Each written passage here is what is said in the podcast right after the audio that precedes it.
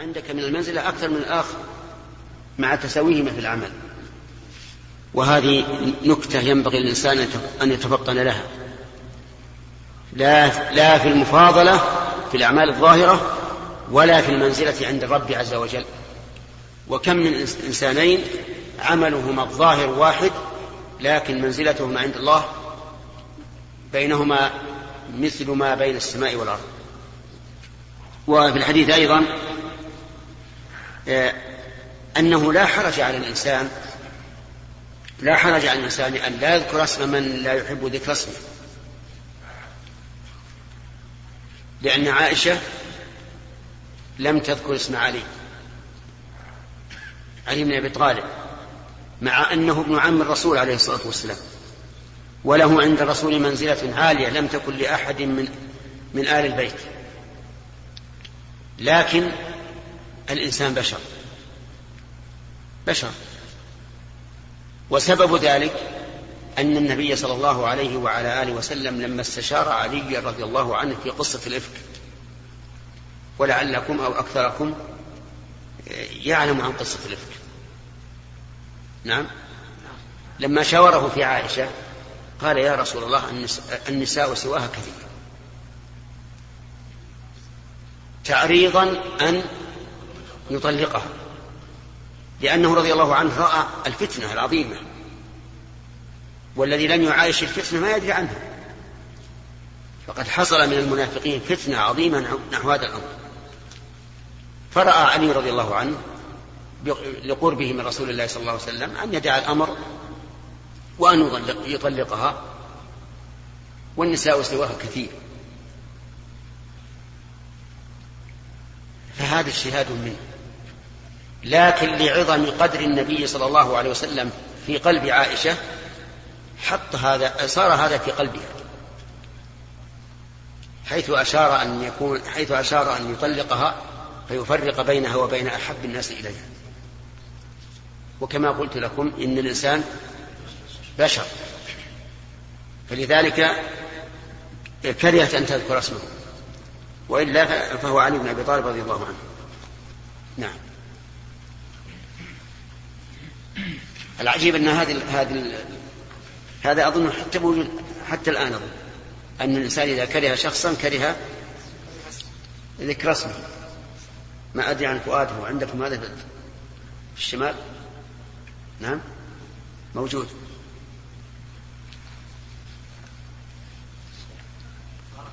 هذا يعني يعتبر انه أمر جبلي لا عليه أو يحاسب عليه. إيش؟ يعني واحد حصل من احد بعض الناس ما ينسى حتى يوم. اي شوف بارك الله فيك. اقرأ قول الله تعالى في آخر سورة البقرة. ربنا لا هذه ربنا ولا تحملنا ما لا طاقة لنا به.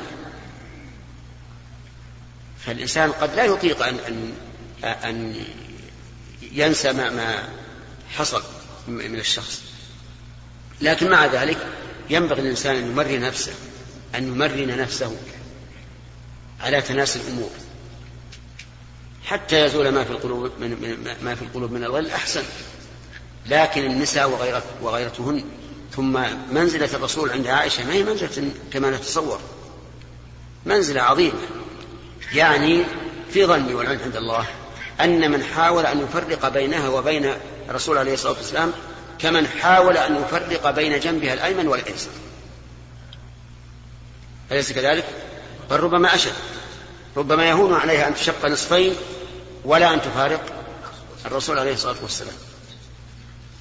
نعم.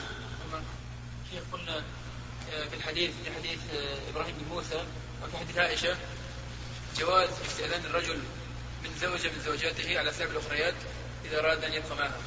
شيخ جواز ولا وجوب؟ كيف؟ يعني جواز ولا وجوب؟ لا الجواز هنا في المقابل المنع يعني ما نقول للإنسان لا لا تشاور لأنه ربما ربما تأذن حياء وخجلا يقول لا بأس استأذن إذا قلنا جواز ضد التحريم مش معناه فإنه لا ينافي الوجوب قاعدة معروفة عند أصول الفقه. إذا قيل لك أن تفعل فلا ينافي الوجوب وإلا فمن حقه وإنما قلنا لك أن تفعل لأن, لأن لا يقول قائل معلوم أن الزوج إذا استشار الزوجات ربما يخجلن أو يستحين فيأذن بذلك. يقول حتى وإن كان هذا الاحتمال واردا فليفعل ما في مانع.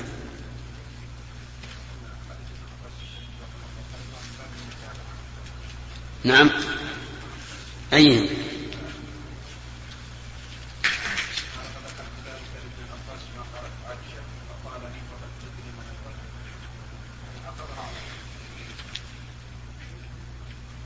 لا مو من المتابعة في الاصطلاح؟ المتابعة في الاصطلاح إنما تكون في في الإسناد. أما إذا وصل الصحابي فلا فلا يعتبر هذا متابعة. بسم الله الرحمن الرحيم. الحمد لله وصلى الله وسلم على عبده ورسوله نبينا محمد. قال الإمام أبو عبد الله البخاري رحمه الله تعالى باب الرخصة في المطر والعلة أن يصلي في رحله. حدثنا عبد الله حدثنا عبد الله بن يوسف قال أخبرنا مالك عن نافع أن ابن عمر أذن بالصلاة في ليلة ذات برد وريح ثم قال ألا صلوا في الرحال؟ ثم قال إن رسول الله صلى الله عليه وسلم ثم قال إن رسول الله صلى الله عليه وسلم كان يأمر المؤذن إذا كانت ليلة ذات برد ومطر يقول ألا صلوا في الرحال. حدثنا إسماعيل قال حدثنا قال حدثني مالك عن ابن شهاب. هذا آخر شيء. نعم. عن محمود بن الربيع الأنصاري أن عكبان بن مالك كان يغم قومه وهو أعمى وأنه قال لرسول الله صلى الله عليه وسلم يا رسول الله إنها تكون الظلمة والسيل وأنا رجل ضرير البصر فصل يا رسول الله في بيتي مكانا أتخذه مصلى. فجاء رسول الله صلى الله عليه وسلم فقال فقال أين تحب أن أصلي؟ فجاءه. نعم فجاءه رسول الله صلى الله عليه وسلم فقال أين تحب أن أصلي؟ فأشار إلى مكان من البيت فصلى فيه رسول الله صلى الله عليه وسلم.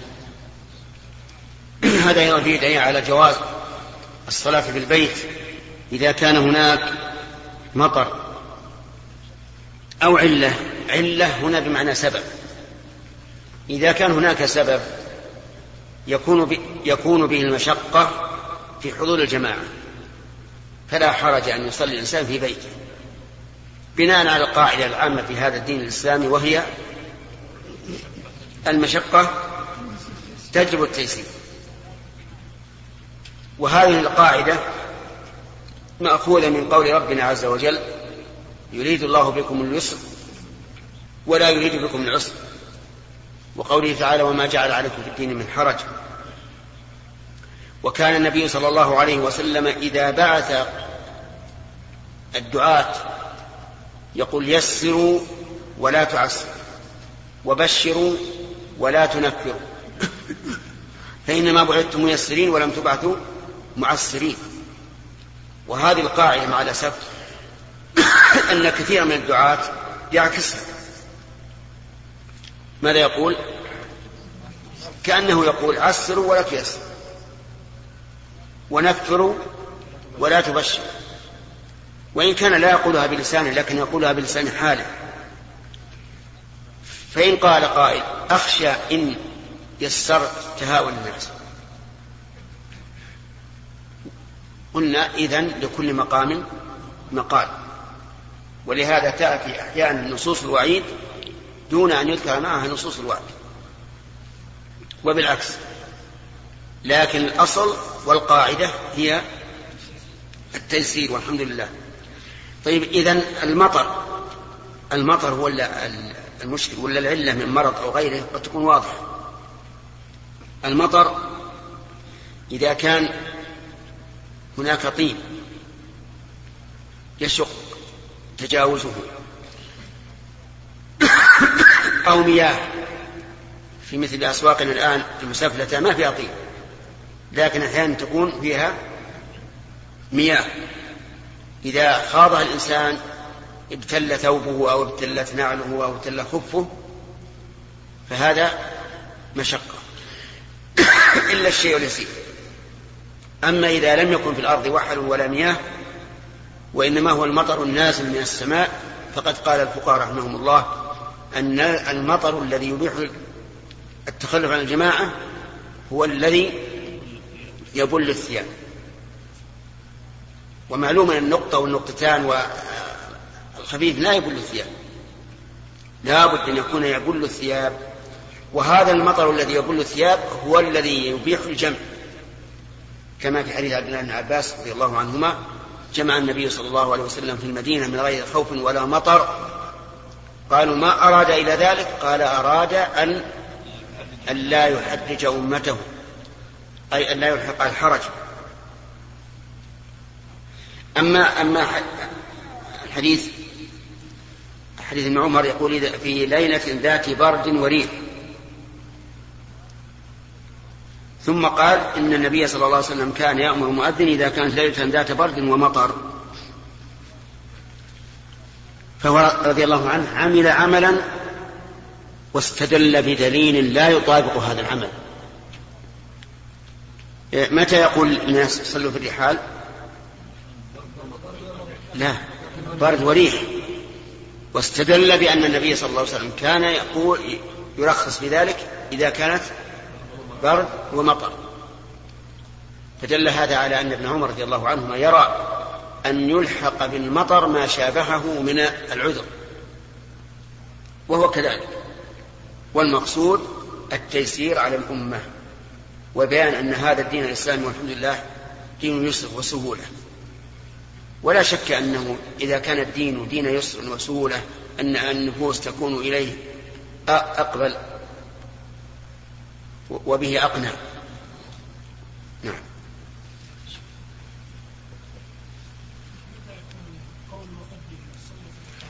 إيش؟ مثل هذه. إذا أي بعد الأذان بعد الأذان. أو يقولها بعد بدل قوله حي على الصلاة. نعم. شيخ قلنا أحسن الله إليك. قلنا يعني أفضل أردت عمرا وأراد الله خارجا نعم. أقول أردت عمرا وأراد الله خارجا ما يخالف. باقي سؤالين لك واحد وواحد نعم. قلنا أفضل أزواج النبي صلى الله عليه وسلم عائشة وخديجة. نعم. وبعدهما بعدهما ما ما هناك شيء يعني ميزة بينة. قد تفضل بعض بعض, بعض النساء تفضل البعض الآخر. مثل حفصة أم سلمة كل واحد لها مزية. نعم. نجاري. جاءت آثار عن بعض السلف. إيش؟ جاءت آثار عن بعض السلف. نعم. أنهم كانوا يقولون إذا وجع الإنسان ضرسه فيصلي في البيت. ويستدلون بذلك أن من حديث النبي صلى الله عليه وسلم أن الله يحب أن تؤتى عزائمه كما أن تؤتى رخصه كما تؤتى عزائمه. وهذه من باب الرخصة. فكيف يوجه هذا؟ أولا بارك الله فيك ابحث عن صحة النقل. من روى عن بعض السلف؟ ومن بعض السلف؟ هذه واحدة. يعني من روى حتى نصل إلى الرجل الذي قال هذا القول. ثم ما منزلة هذا الرجل الذي قال هذا القول من, من العلم؟ هل كل واحد من السلف عالم يؤخذ يؤخذ برأيه؟ هذه واحدة الشيء الثاني وجع الرأس. إذا كان الإنسان معه وجع رأس حقيقة أقلقه أو معه دوخة يخشى أن يخرج إلى المسجد يقع في السوق أو ما أشبه ذلك هذا عذر لا شك أما مجرد ما يجي الواحد يوجع رأسه إذا قام من النوم ولا والله رأسه يعني يوجع شوي قال خلاص ما ما أنا مصلي ما يصير هذا. يعني ما أنا مصلي مع الجماعة. نعم. ثلاثة. باب هل يصلي الإمام بمن حضر وهل يخطب يوم الجمعة في المطر؟ حدثنا عبد الله بن عبد الوهاب قال حدثنا حماد بن زيد. نعم. قال حدثنا عبد الحميد. قال حدثنا عبد الحميد صاحب الزيادي. قال سمعت عبد قال سمعت عبد الله بن الحارث قال قال خطبنا ابن عباس في يوم ذي ذي ردغ فأمر المؤذن لما بلغ حي على الصلاة. قال قل الصلاة في الرحال. فنظر بعضهم إلى بعض فكأنهم أنكروا فقال كأنكم أنكرتم هذا. إن هذا فعله من هو خير مني يعني النبي صلى الله عليه وسلم إنها عزمة وإني كرهت أن أحرجكم وعن حماد عن عاصم عن عبد الله بن الحارث عن ابن عباس نحوه غير أنه قال نحوه ولا نحوه؟ نحوه عندي نعم. غير أنه قال كرهت أن كرهت أن أؤثمكم فتجيئون تدوسون الطين إلى ركبكم. حدثنا مسلم بن هذا هل يصلي الإمام بمن حضر وهل يخطب يوم الجمعة في المطر؟ شوف الشرح قال ابن حجر رحمه الله تعالى قوله باب هل يصلي الإمام بمن حضر. أي مع وجود العلة المرخصة للتخلف فلو تكلف قوم الحضور فصلى بهم الإمام لم يكره. فالأمر, فالأمر بالصلاة في الرحال على هذا للإباحة لا للندب.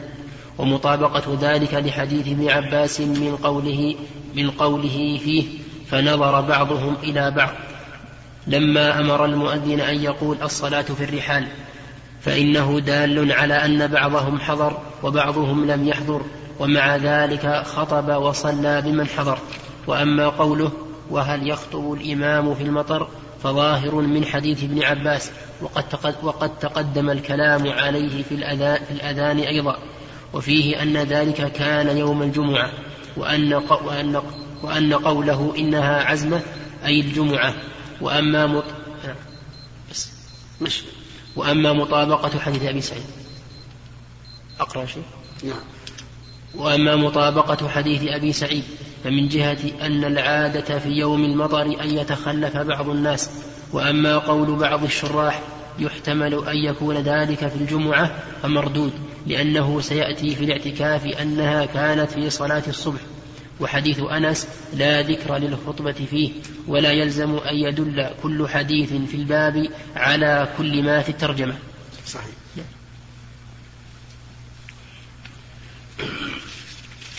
صار المعنى أنه إذا رخص للناس أن يصلوا في بيوتهم من أجل المطر وحضر بعضهم فلا حرج أن يصلي بمن حضر. وهذا واضح لا غبار عليه لكن بقي أن يقال ولا يجوز لهؤلاء الحاضرين أن يؤنبوا المتخلفين. أو يقول تخلفتم أو يفخروا بأنفسهم عليهم. لأن المتخلفين تخلفوا بالرخصة. وقد يكون المتخلف بالرخصة أفضل من الذي تكلف وحضر. كما جاء في الحديث إن الله يحب أن تؤتى رخصه. وقوله هل يخطب يوم الجمعة في المطر هذا استفهام لبيان تطبيقه على الواقع. لا لأن العلماء مختلفون في هذا لأنه لا خلاف أن, أن الإمام يخطب يوم الجمعة والمطر نازل كما سيأتي في الحديث.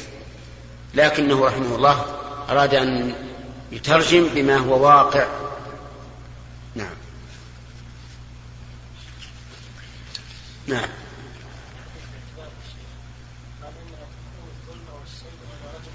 نعم.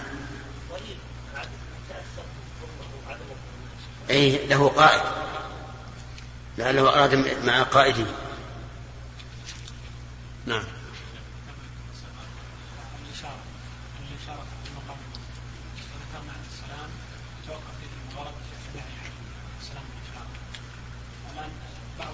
يسلم بصوت مسموع ويكون قليل ويرفع يده ولا حاجة لا حاجة هذا زيادة.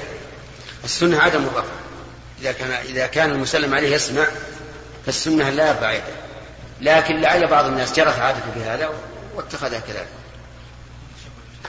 لا لا التشبه الاقتصار على, على الإشارة فقط. نعم خالد؟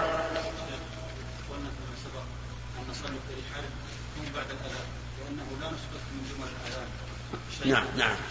وهنا قال اسقط من بعض الامراء ما هو صريح؟ قال فلما بلغ حي على الصلاة أي؟ قال قل إذا كان هذا قال قل بعدها. ما في احتمال.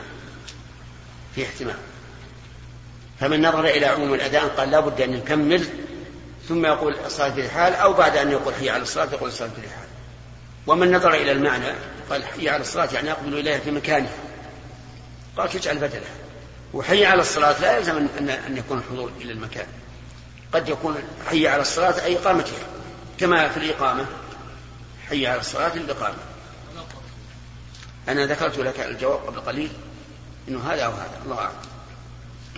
حدثنا مسلم بن إبراهيم قال حدثنا هشام عن يحيى عن أبي سلمة قال سألت أبا سعيد الخدري قال سألت أبا سعيد الخدري فقال جاءت سحابة فمطرت حتى سال السقف وكان من جريد النخل فأقيمت الصلاة فرأيت رسول الله صلى الله عليه وسلم يسجد في الماء والطين حتى رأيت أثر الطين في جبهته. اللهم صل وسلم. هذا في في رمضان. فإن النبي صلى الله عليه وسلم اعتكف في رمضان أول ما اعتكف في العشر الأول ثم اعتكف في العشر الأوسط تحريا لليلة القدر. ثم قيل له إنها في العشر الأواخر. رآها في المنام. فخطب الناس. وقال إني أريد هذه الليلة وأني رأيت أني أسجد في صبيحتها في ماء وطين أي على ماء وطين. فأمطرت السماء ليلة واحد إحدى وعشرين. فصلى النبي صلى الله عليه وسلم الفجر فسجد في الماء والطين على الماء والطين حتى رؤي ذلك في جبهته صلوات الله وسلامه عليه. نعم. نعم. شيخ الحديث هذا يعني حديث دليل على يعني بدعية اتخاذ الإمام سجادة بدون المأمومين بدون إيش؟ يعني اتخاذ انفراد الإمام بالسجادة نعم. غير المأمومين يعني النبي صلى الله عليه وسلم ما كان له سجادة في عهد الرسول عليه الصلاة والسلام ما كانوا يصلون على السجاد لا الإمام ولا المأمومين. شيخ قول عائشة في سنة أبي داود. نعم. ما أذكر عن الحديث.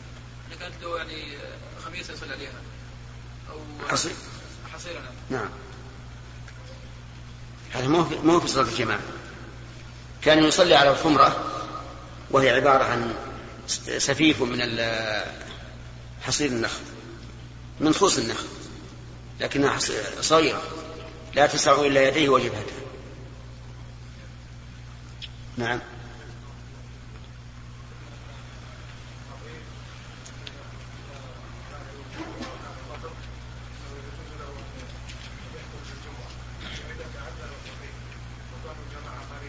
وإذا إيش؟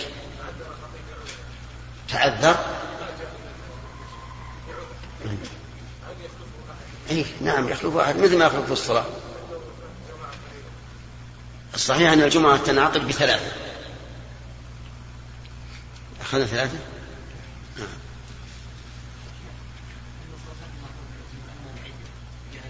المشقة والحرج كان في وقتنا هذا كأنها زادت بتوفير أمور كثيرة بحيث أنها يعني بحيث توفر الناس أمور يتوقعون بها من البرد والحر والمطر وقرب المساجد إلى غيرها من الأمور لا، ما هو كل الناس.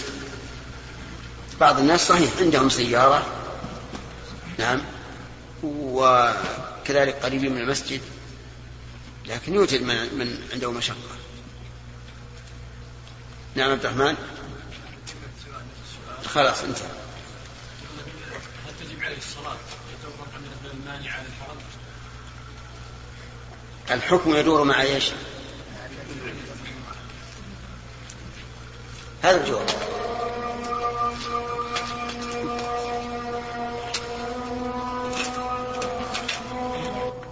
سم.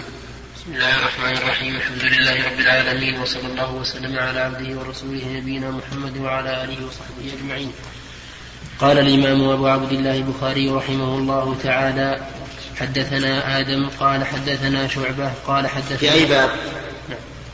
في في باب هل يصلي الإمام بمن حضر وهل يخطب يوم الجمعة في المطر حدثنا آدم قال حدثنا شعبة قال حدثنا أنس قال حدثنا أنس بن سيرين قال قال سمعت أنسا يقول قال رجل من الأنصار إني لا أستطيع الصلاة معك.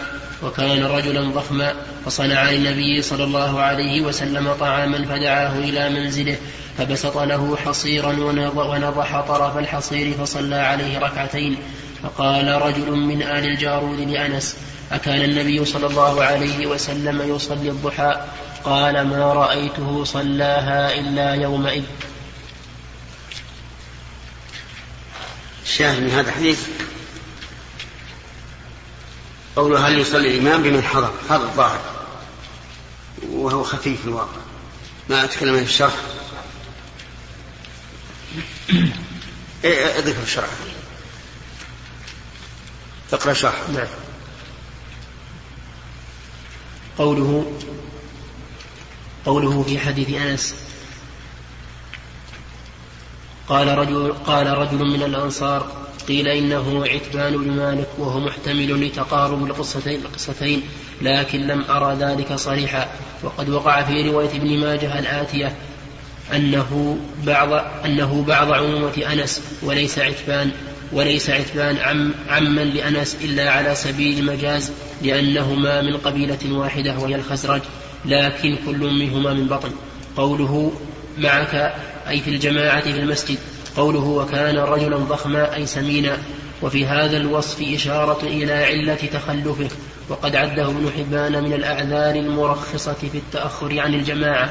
وزاد عبد الحميد عن أنس وإني أحب أن تأكل في بيتي وتصلي فيه قوله فبسط له حصيرا سبق الكلام فيه في حديث أنس في أوائل الصلاة في باب الصلاة على حصير قوله فصلى عليه ركعتين زاد عبد الحميد فصلى وصلينا معه. قوله فقال رجل من آل الجارود في رواية علي بن الجعد عن شعبة الآتية للمصنف في صلاة الضحى فقال فلان ابن فلان ابن الجارود وكأنه عبد الحميد بن المنذر بن الجارود البصري. وذلك أن البخاري وذلك أن البخاري أخرج هذا الحديث من رواية شعبة وأخرجه في موضع آخر من رواية خالد الحذاء كلاهما عن أنس بن سيرين عن عبد الحميد بن المنذر بن الجارود عن أنس. وأخرجه ابن ماجه وابن حبان من رواية عبد الله بن عون عن أنس بن سيرين عن عبد الحميد بن المنذر بن الجارود عن أنس. فاقتضى ذلك أن في رواية البخاري انقطاعا وهو مندفع بتصريح أنس بن سيرين عند عنده بسماعه من أنس. فحينئذ رواية ابن ماجه إما من المزيد في متصل الأسانيد وإما أن يكون فيها وهم لكون ابن الجارود كان حاضرا عند أنس لما حدث بهذا الحديث. وسأله عما سأله من ذلك. فظن بعض الرواة أن له فيه أن له فيه رواية. وسيأتي الكلام على فوائده في باب صلاة الضحى ومطابقته لهذه الترجمة. إما من جهة ما يلزم من الرخصة لمن له عذر أن يتخلف عن الحضور فإن ضرورة مواظبته صلى الله عليه وسلم على الصلاة بالجماعة أن يصلي بمن بقي وإما من جهة ما ورد من طريق عبد الحميد المذكورة حيث قال أنس فصلى وصلينا معه فإنه مطابق لقوله وهل يصلي بمن حضر؟ والله أعلم. هذا أقرب. هذا أقرب لكن الرواية صلى معه. ليست موجودة في البخاري. هنا. نعم. نعم يا سليم.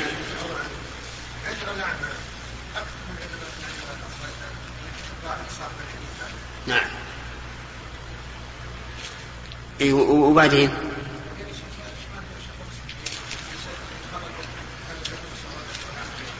في بارك الله فيك قضايا الأعيان يا سليم. هذا أجعلها عندك قاعدة. قضايا الأعيان ليس لها عموم. فهذا الرجل الأعمى الذي لم يرخص لم لم يرخص له الرسول عليه الصلاة والسلام لأنه علم من حاله أنه ليس له وجه في ترخيصه له. وأما هذا الرجل الضخم الذي يمشي بتعب شديد أو عتبان بن مالك أيضا مع بعده عن مسجد النبي صلى الله عليه وعلى آله وسلم فهؤلاء رخص لهم. فقضايا الأعيان لا ليس لها عموم لأنه قد يكون فيها ملابسات ما ندري عنها. نعم. فنرجع إيش؟ إلى القواعد العامة وهي أنه متى حصل مشقة في الحضور إلى المسجد فإنها تسقط الجماعة. نعم. باب إذا حضر الطعام وأقيمت الصلاة وكان من فهمت القاعدة هذه؟ هذه قاعدة مفيدة لطالب العلم. نعم.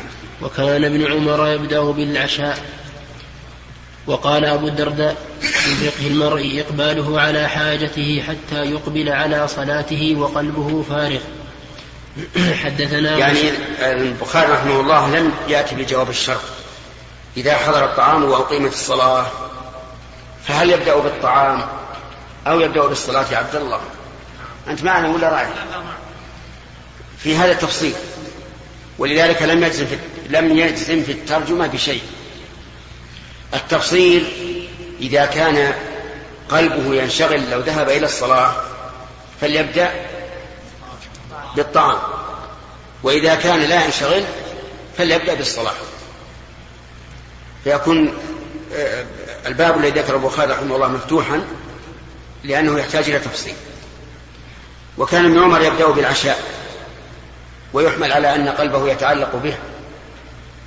وكان نعم. وقال أبو الدرداء من فقه من فقه المرء إقباله على حاجته. رحمه الله. آه، كثير من الناس يقول كيف أقبل على حاجتي وأدع الصلاة؟ أليست الصلاة حاجة؟ نقول من فقه من فقهك أن تقبل على حاجتك أولا ثم تقبل على الصلاة إلا إذا كان يخشى أن يخرج الوقت فهنا يقدم الصلاة على أن بعض العلماء قال في قوله صلى الله عليه وعلى آله وسلم لا صلاة بحضر طعام ولا وهو يدافع الأخفتان قال إن هذا يقدم قضاء الحاجة على الوقت. حتى لو خرج الوقت وأنت الآن محصور ببول أو غائط فأنت تفعل ثم تقبل على صلاتك وهذا الذي قاله أبو الدرداء رضي الله عنه يدل عليه قوله تعالى فإذا فرغت فانصب وإلى ربك فارغب. فأشار الله تعالى أن الإنسان إذا فرغ نصب للعبادة حتى يكون راغبا إلى الله تعالى في في صلاته أو في عبادته. نعم. حدثنا مسدد قال حدثنا يحيى عن هشام قال حدثني أبد قال حدثني أبي قال سمعت عائشة عن النبي صلى الله عليه وسلم أنه قال إذا وضع العشاء وأقيمت الصلاة فابدأوا بالعشاء. حدثنا يحيى بن بكير قال حدثنا الليث عن عقيل عن ابن شهاب عن أنس بن مالك أن رسول الله صلى الله عليه وسلم قال إذا قدم العشاء فابدأوا به قبل أن تصلوا صلاة المغرب ولا تعجلوا عن عشائكم. حدثنا عبيد بن إسماعيل عن أبي أسامة عن عبيد الله عن نافع عن ابن عمر قال قال رسول الله صلى الله عليه وسلم إذا وضع عشاء أحدكم وأقيمت الصلاة فابدأوا بالعشاء ولا يعجل حتى يفرغ منه. وكان ابن عمر يوضع وكان هذا حديث عن الصحابة كلها تدل على أن الإنسان إذا قدم له الطعام فليبدأ بالطعام. وذكر وذكر العشاء ليس قيدا لكنه بيان للواقع. وإلا فلو قدم الغداء بدأ به قبل الصلاة. ومع ويقول عليه الصلاة والسلام لا يعجل حتى يفرغ منه. وهذا من تمام التيسير. يعني لا نقول لهذا الرجل كل لقمتين أو ثلاثا آه، تدفع بها بهما نهمتك ثم أقبل على صلاتك. بل نقول انتظر حتى تشبع أو تقضي حاجتك منه. نعم. وكان ابن عمر وكان ابن عمر يوضع له الطعام وتقام الصلاة فلا يأتيها حتى يفرغ وإنه ليسمع قراءة الإمام. وقال زهير وقال زهير وقال زهير وهب وهب بن عثمان عن موسى بن عقبة عن نافع عن ابن عمر قال قال النبي صلى الله عليه وسلم إذا كان أحدكم على الطعام فلا يعجل حتى يقضي حاجته منه وإن أقيمت الصلاة. رواه رواه ابن رواه إبراهيم بن المنذر عن وهب بن عثمان وهب مديني. في نسخة مدني وهذا هو القياس. قال ابن مالك وفعلي في فعيلة التزم طيب. وهذا هذه الأحاديث تشمل ما إذا كان الطعام مقدما لواحد أو لجماعة. وعلى هذا فإذا كنت داعيا أناسا. وحضروا. وقدمت لهم العشاء أو الغداء وأقيمت الصلاة. فهل يقول انصرفوا ثم احضروا بعد ذلك؟ أو يقول تغدوا أو تعشوا؟ الثاني. حتى وإن لم يبدأوا بذلك. يقول ما دام قدم فليتغدوا ويتعشوا ثم يخرجوا إلى إلى الصلاة. استدل بعض العلماء بهذا الحديث وأمثاله على وجوب الخشوع في الصلاة. على وجوب الخشوع في الصلاة. وما هو الخشوع؟ هو حضور القلب. وقالوا إن الصلاة واجبة. والواجب لا يسقط إلا بواجب. ومن المعلوم أنها سقطت سقط وجوب الجماعة هنا من أجل أن يكون قلبه فارغا حاضرا. واستدل بهذا بهذه الأحاديث من يرى أن صلاة الجماعة ليست بواجبة. وقال إذا رخص للإنسان أن يبقى على غدائه أو عشائه إذا قدم أو إذا بدأ به دل هذا على أنها واجبة غير واجبة لأن الواجب لا يسقط إلا بالضرورة كما أن المحرم لا يباح إلا بالضرورة. طيب. بقي عندنا الآن آه اتجاهان الاتجاه الأول وجوب الخشوع. ووجه ذلك أنه سقط الواجب عن الإنسان من أجله ولا يسقط الواجب إلا إيش؟ إلا لواجب. والقول والوجه الثاني أن صلاة الجماعة ليست واجبة. لأن الإنسان إذا قدم له العشاء أو الغداء فليس فليس في ضرورة حتى نقول ادفع ضرورتك ولكنها تتعلق به نفسه وهذا ليس ليس من باب الضرورة. ولو كانت واجبة لكانت لا تسقط إلا إيش؟ إلا بضرورة. كما أن المحرم لا يباح إلا للضرورة. فنقول هذا الثاني لا شك أنه احتمال قائم احتمال قائم ولكن إذا وردت نصوص محكمة بينة واضحة ونصوص محتملة فما الواجب؟ أن نحمل المحتمل على المحكم الواضح البين ووجوب صلاة الجماعة لها نصوص بينة واضحة. لا يمكن أن تسقط بهذا الاحتمال. وأما الذين قالوا بوجوب الخشوع في الصلاة لأن الرسول عليه الصلاة والسلام أسقط الجماعة عمن حضر العشاء بين يديه من أجل أن يكون قلبه حاضرا فهذا لا شك أنه قوي. لكن يدفع بما ثبت عن النبي صلى الله عليه وعلى آله وسلم من أن الشيطان إذا سمع الأذان ولى وله ضراط. ثم إذا فرغ الأذان أقبل على الإنسان. ثم إذا أقيمت الصلاة ولى ثم إذا انتهت الإقامة أقبل على الإنسان وصار يحدث ويقول اذكر كذا اذكر كذا وكذا في يوم كذا وكذا. حتى لا يدري ما صلى ولم يأمر ولم يأمر النبي صلى الله عليه وسلم في هذه الحال بالإعادة. وهذا أيضا يرد القول بأن الخشوع واجب بل يقال إن الخشوع متأكد جدا وأنه لا ينبغي للإنسان أبدا أن يفعل ما ينافي الخشوع أو ما يذهب الخشوع. أما الوجوب بحيث لو لم يفعل لبطل صلاته ففيه نظر. لكن كثيرا من العلماء يقول إذا غلب الوسواس على أو على أكثر الصلاة فإن الصلاة تبطل. مو على يعني على بعضها على أكثرها فإنها تبطل. وهذا يؤدي إلى أنه يجب علينا أن نحاول طرد هذه الوساوس التي ترد علينا في الصلاة. نعم.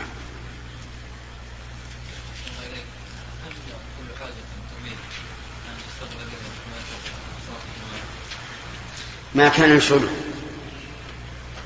كل حاجة تشغله فهذا يبيح له ترك الجماعة. نعم. كيف أقول كل ما يشغله يشغل قلبه بحيث لا, لا إذا ذهب إلى الصلاة فقلبه منشغل.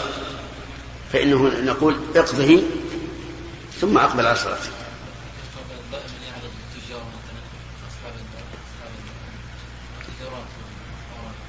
نعم. لا لا هذا ما هو اشتغل هذا يجب أن لا يشتغل به إطلاقا.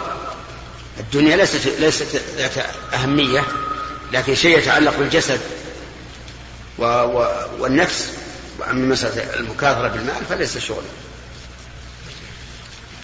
طيب بقي أن يقال في مسألة الطعام هل يجوز للإنسان أن يجعل طعامه دائما يحضر عند الصلاة. الظاهر لا يجوز. لكن إذا كان لا يمكن إلا بهذا الوقت. فهذا عذر. مثل لو كان لا يجد في المطعم طعاما إلا في هذا الوقت أو نحو ذلك فهذا عذر. وأما أن يجعل باختياره وقت الطعام ووقت الصلاة فإنه لا, لا يجوز. نعم يا آدم. إيش؟ وياخذ وقت قريب نص ساعة وزمن الرسول صلى الله عليه وسلم فيمكن يكون طعام واحد أو يعني بعض الأكل كمان يكون فيه فواكه ثاني اللبن بعد. أبدا الفواكه غير الفواكه. فواكه تبع الأكل. هو الغالب الغالب أن الصلاة تنتهي قبل أن يصل إلى دور الفواكه. نعم يا شرف بعض الناس إذا حضر الصلاة حتى ولو أن يفضل الصلاة على إلى قال هل إذا ذهب يصلي بعد أن قدم له الطعام هل يشتغل قلبه بالطعام؟ ليس ذاك الشغل. ها؟ ينشغل لكن ليس ذاك الشغل. إيه. على كل حال إذا كان يقدر نفسه إنه مثلا يذهب إلى الصلاه ولا يتعلق قلبه بما قدم له من الطعام فهنا لا لا عذر. اي معروف. ضابط الانشغال أكثر الناس إذا قدم الطعام وهو جائع ما عاد ينفك عنه لين يشرب إي نعم. باب إذا دعي الإمام إلى الصلاة وبيده ما يأكل. حدثنا عبد العزيز حدثنا عبد العزيز بن عبد الله قال حدثنا إبراهيم عن صالح عن ابن شهاب قال أخبرني جعفر بن عمرو بن أمية أن أباه قال رأيت رسول الله صلى الله عليه وسلم يأكل ذراعا يحتز منها فدعي إلى الصلاة فقام فطرح السكين فصلى ولم يتوضأ. هذا الحديث فيه فوائد. اولا أنه ليس من الورع أن يدع الإنسان طيبات الرزق ولا يتفكى باللحم وغيره. ووجه ذلك أن سيد المتورعين هو النبي صلى الله عليه وعلى آله وسلم ومع هذا كان يأكل اللحم. ومن فوائده أنه ينبغي أن يختار الذراع. الذراع ذراع اليد لأنه أهش وألين وأفيد ويقال كل ما تقدم من البهيمة فهو أطيب وأنفع. ومنها جواز الأكل بالسكين. يعني يجوز أن تأخذ السكين وتقطع وتأكل. لأن النبي صلى الله عليه وسلم كانت معه السكين. لكن لا تفعل كما يفعل بعض الناس. يقطع باليد اليمنى ويأكل باليد اليسرى. فإن هذا حرام. لكن نقول قطع باليسرى وكل باليمنى. طيب. ومن فوائد هذا الحديث أنه يجوز للإنسان أن يدع الأكل ويقوم إلى الصلاة ولو كان الأكل حاضرا. فعلى هذا يكون أمر النبي صلى الله عليه وسلم السابق. أمره للاستحباب أو للإباحة وليس للوجوب. وقد يقال إنه لا معارضة بين حديثين وأن هذا على سبيل على سبيل آه، كون الإنسان لا يتعلق قلبه بما قدم له من الطعام. وتحمل الأحاديث السابقة على ما إذا كان قلبه إيش؟ يتعلق بالطعام ويشتغل. وهذا هو الأقرب. هذا هو الأقرب. أيها الإخوة في ختام هذه المادة نسأل الله أن نلقاكم في لقاءات متجددة.